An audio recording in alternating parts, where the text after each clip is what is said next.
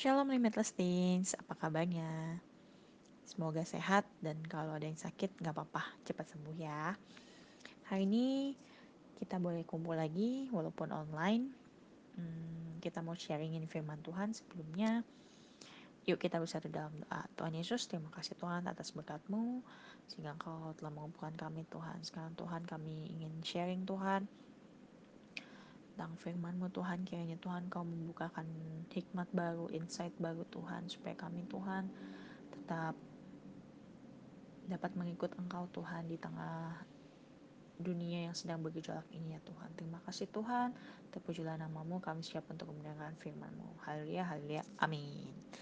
Yeay, jadi hari ini aku mau sharing, uh, judulnya adalah makna dan hukuman penyembahan berhala dan ibadah yang sesat diambil dari ulangan 12 ayat 29 sampai 13 ayat 18. Nah, buat teman-teman yang dengerin ini online, mungkin teman-teman boleh pause dulu, hmm, lalu baca dulu ulangan 12 ayat 29 sampai 13 ayat 18.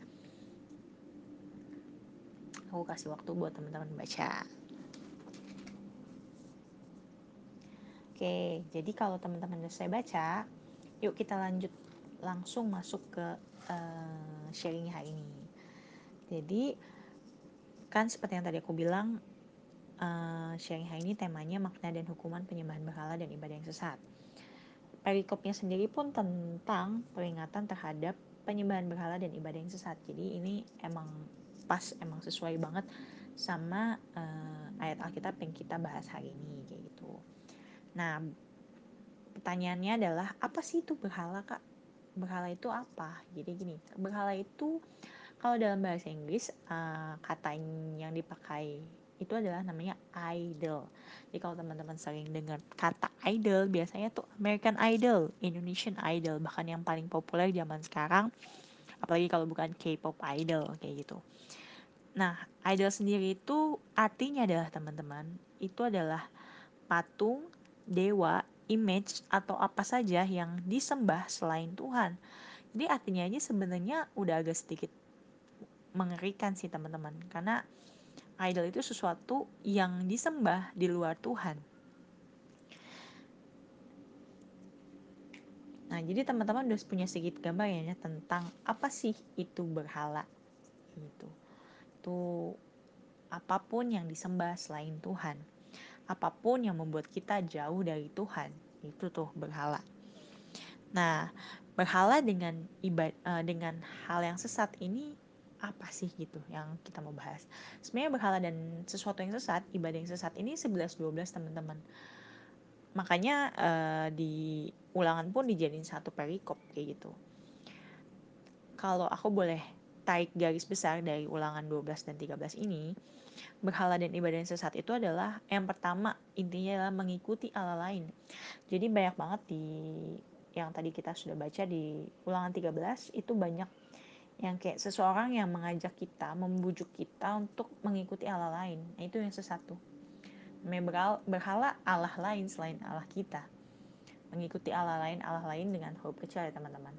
Nah yang kedua, melakukan apa yang dibenci Tuhan. Ayatnya ada di mana? Ada ayat 31 di dua uh, ulangan 12 ayat 31. Jangan engkau berbuat seperti itu terhadap Tuhan Allahmu, sebab segala yang menjadi kekejian bagi Tuhan, apa yang dibencinya, yang dibenci Tuhan loh, itulah yang dilakukan mereka bagi Allah mereka. Jadi sejarahnya teman-teman, kenapa uh, ada perikop ini juga? Jadi zaman dulu bangsa Israel hidupnya kan berperang terus ya, berperang dan merebut tanah kanaan istilahnya kayak gitu tanah perjanjiannya. Nah dulu di se sebelum mereka menempati tanah itu banyak bangsa yang tidak mengenal Tuhan dan bangsa yang tidak mengenal Tuhan ini menyembah patung, dewa atau apa pun yang mereka anggap sebagai Allah mereka. Nah makanya Tuhan kasih tahu ke bangsa Israel nih kalian jangan ikut-ikutan bangsa-bangsa yang tidak mengenal Tuhan. Artinya jangan ikut orang lain yang mengajak kalian untuk menyembah Allah lain dan melakukan apa yang dibenci sama Tuhan. Makanya berhala dan yang hal yang sesat tadi, ibadah yang sesat itu yang pertama mengikuti Allah lain, yang kedua itu melakukan apa yang dibenci Tuhan. Itu bisa kita sebut sebagai berhala atau hal yang sesat. Nah, kalau kita tarik mundur, teman-teman pasti udah pernah uh, lewatin uh, kita ngebahas tentang tema 10 perintah Allah ya nggak sih? Nah, di Keluaran 20 ayat 3, 3 sampai 7, aku bacain buat teman-teman di Keluaran 20 ayat 3 sampai 7. Ada ke 10 firman, 10 perintah Allah di ayat 3. Jangan ada padamu Allah lain di hadapanku. Jelas banget ada tulisannya jangan ada padamu Allah lain di hadapanku. Allah lain yang artinya berhala itu nggak boleh. Terus yang kedua, jangan membuatmu bagi jangan membuat bagimu patung yang menyerupai apa pun yang ada di langit di atas atau yang ada di bumi di bawah atau yang ada di dalam air di bawah bumi. Yang kedua, jangan ada patung teman-teman. Patung atau benda apa pun yang kita sembah selain Tuhan. Makanya tadi idol itu pun tentang ngomongin tentang patung dewa kayak gitu. Yang Lanjut di ayat 5. Jangan sujud menyembah kepadanya atau beribadah kepadanya. Sebab aku Tuhan Allahmu adalah Allah yang cemburu. Yang membalaskan kesalahan bapa kepada anak-anaknya. Kepada keturunan yang ketiga dan keempat dari orang-orang yang membenci aku. Jadi udah jangan ada Allah lain. Jangan buat patung dan jangan menyembah kepadanya. Udah buat patung ya jangan disembah. Ngapain? Karena kan eh, kadang kita bikin ada orang yang kerjanya membuat patung ya nggak sih teman-teman? Untuk memperingati sesuatu kita banyak melihat patung selamat datang patung tugu tani segala macam tapi yang poin intinya adalah ya jangan menyembah patung itu karena itu nggak ada apa-apanya kosong teman-teman. Yang hidup adalah Tuhan kita. Nah and then terus gimana kak dengan masa sekarang? Masa sekarang itu berhalanya kayak apa ibadahnya uh, hal yang sesat itu kayak apa tem? Kali kita bertanya kayak gitu. Nah coba teman-teman kira-kira berpikir dulu deh berhala zaman sekarang tuh apa ya? Tuh. seperti kata kunci yang udah aku jelaskan sebelumnya itu adalah uh, apa saja yang kita sembah selain Tuhan dan apa yang membawa kita jauh dari Tuhan. Itulah berhala-berhala zaman sekarang. Contoh kecanduan dan bergantung sesuatu itu lebih dari Tuhan. Paling simpel ini sebenarnya simpel banget tapi mungkin banyak orang yang nggak sadar. Tentang gadget. Pagi bangun tidur buka gadget. Malam sebelum tidur buka gadget. Sepanjang hari main gadget terus. Jangan-jangan kita memberhalakan gadgetnya. Kita menyembah si gadget ini kayak gitu kasarnya ya Nah, tapi menurut aku inilah tantangan kita di masa akhir zaman ini, teman-teman. Kita udah di akhir zaman dan inilah tantangannya. Karena beda banget sama zaman dulu. Kalau teman-teman baca tadi di ulangan, jelas banget hal yang sesat kayak apa. Yang ngajak kita menyembah patung, yang ngajak kita menyembah dewa lain. Yang mengajak kita untuk melakukan hal-hal yang keji di hadapan Tuhan. Itu sesat, tapi itu berhala. Tapi zaman sekarang menurut aku ini tantangan banget. Kenapa karena kita hidup di zona banyak dinamanya zona abu-abu. Kenapa aku bisa bilang gitu? Karena kita nggak akan bisa bilang sesuatu itu hitam atau sesuatu itu putih. Tapi sesuatu itu ada di abu-abu. Contoh paling gampang. Uh, kita suka main game ya nggak sih kan uh, namanya juga ya kak abis belajar seharian masa nggak hiburan sih? Main game atau nonton film. Nah pertanyaannya apakah game itu menjadi berhala? Kayak gitu. Boleh nggak sih kita main game? Ya jawabannya boleh. Kenapa? Ya karena itu hiburan semata bener nggak? Tapi nggak bisa bilang 100% eh, game itu adalah putih sesuatu yang baik. Misalnya kan putih kita ibaratin baik tapi games itu bisa jadi hitam loh teman-teman. Saat apa? Saat kita mulai kecan kecanduan dengan game. Bentar-bentar game. Pokoknya melebih-lebihi game. Pokoknya harus main game dulu. Sampai kita lupa kalau kita perlu saat teduh. Sampai kita lupa kalau kita perlu doa. Sampai kita lupa kalau kita tuh butuh belajar. Sampai kita lupa kita tuh perlu makan. Sampai kita lupa kalau kita butuh interaksi sama keluarga kita nah itu tuh makanya aku bilang kita ada di zona abu-abu. Jadi zaman sekarang tuh perlu hati-hati banget teman-teman.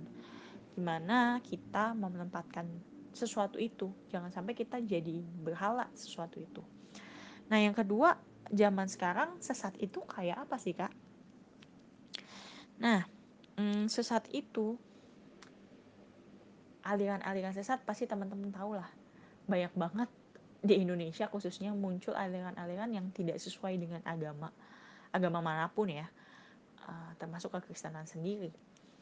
Jadi kita udah bisa jelas terpampang nyata gitu tentang uh, penyesatan di akhir zaman ini. Tapi ada satu hal yang kita perlu waspada nih teman-teman. Ini satu isu yang lagi ngehits banget zaman sekarang. Teman-teman mungkin ada yang tahu atau mungkin ada yang belum tahu. Namanya LGBT LGBT ini ada singkatannya lesbian, uh, gay, biseksual dan transgender.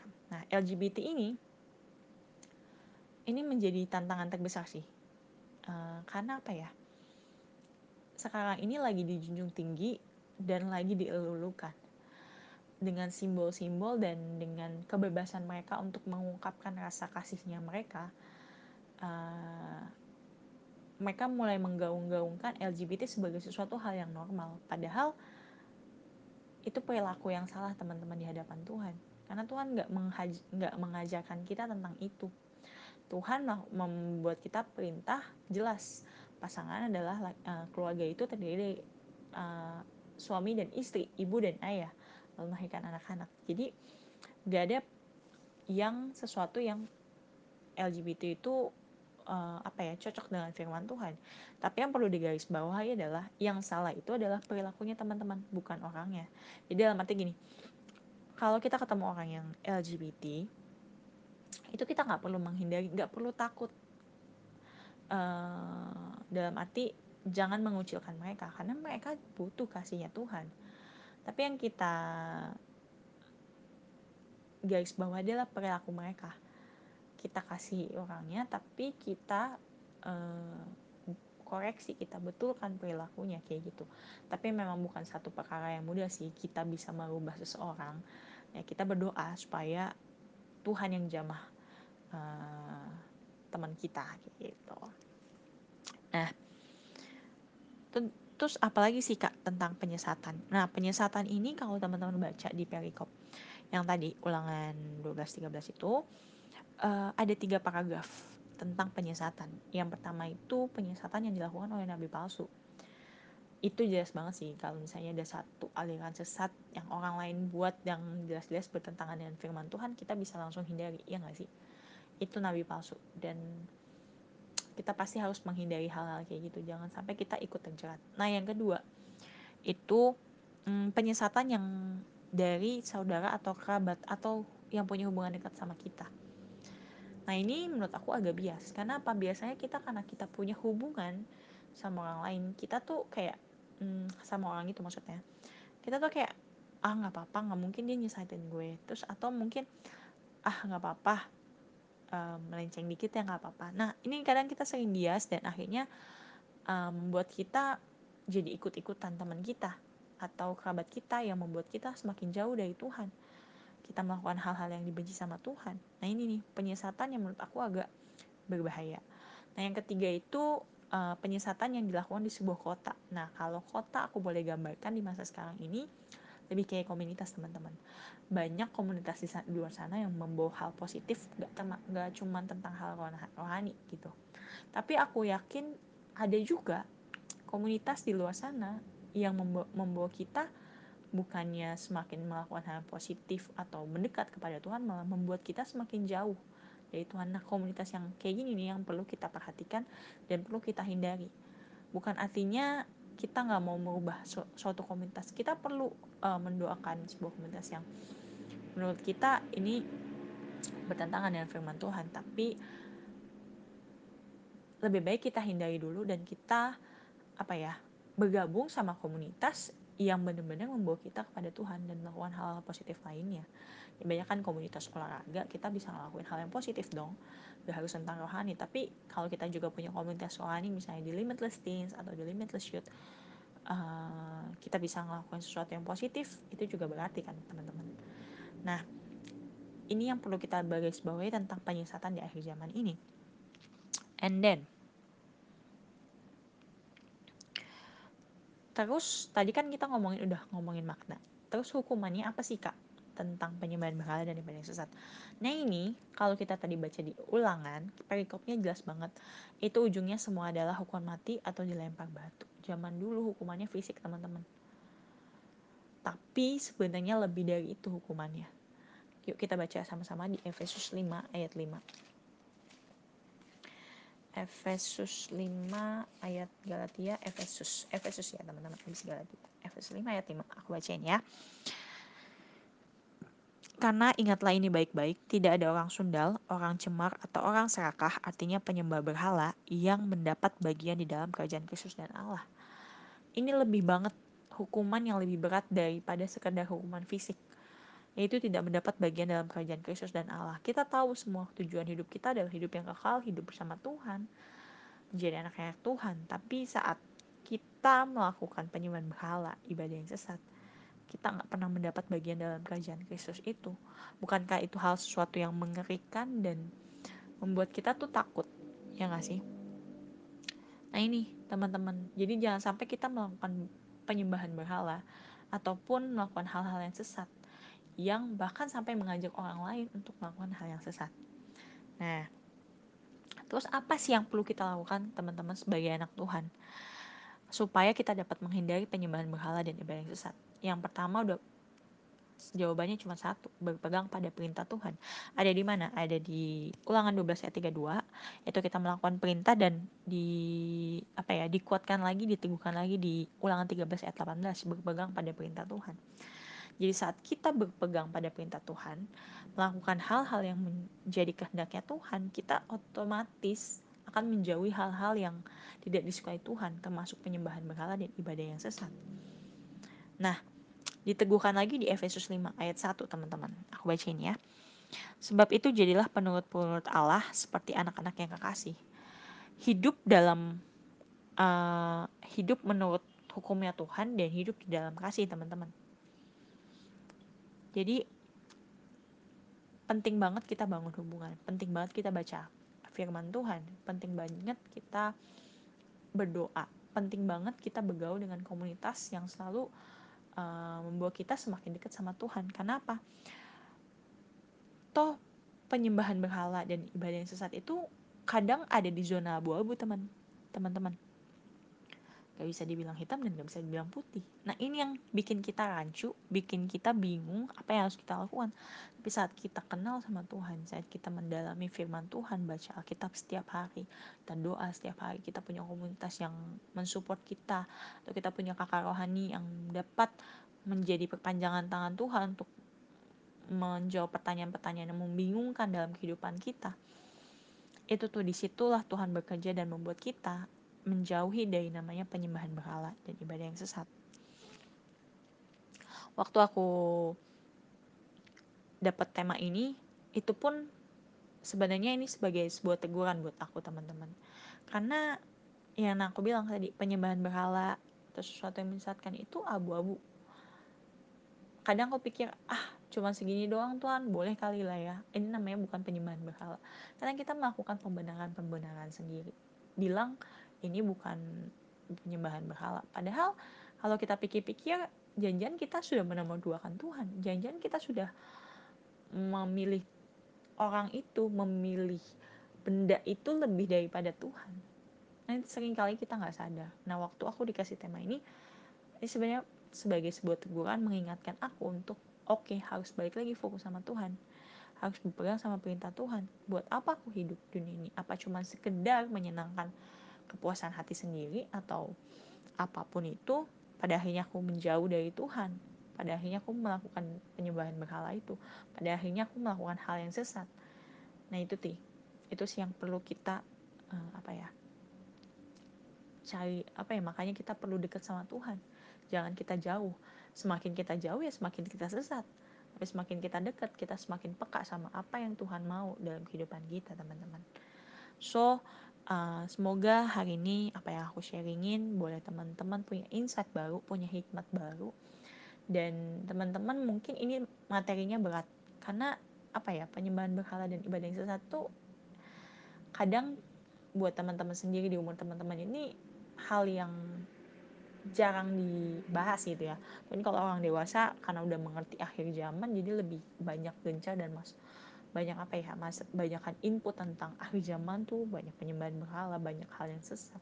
Tapi hmm, di teman-teman sendiri mungkin hal ini belum banyak dibukakan. Nah hari ini semoga apa yang aku sharingin itu menuntun teman-teman uh, Tuhan menuntun teman-teman untuk menghidupi setiap kehidupan teman-teman. Jangan dibawa dan maksudnya apa ya jangan sampai-sampai sampai teman-teman melakukan penyembahan berhala atau melakukan hal yang sesat di hadapan Tuhan dan mengikuti Allah lain tidak melakukan apa yang disuka tidak melakukan apa yang dibenci Tuhan.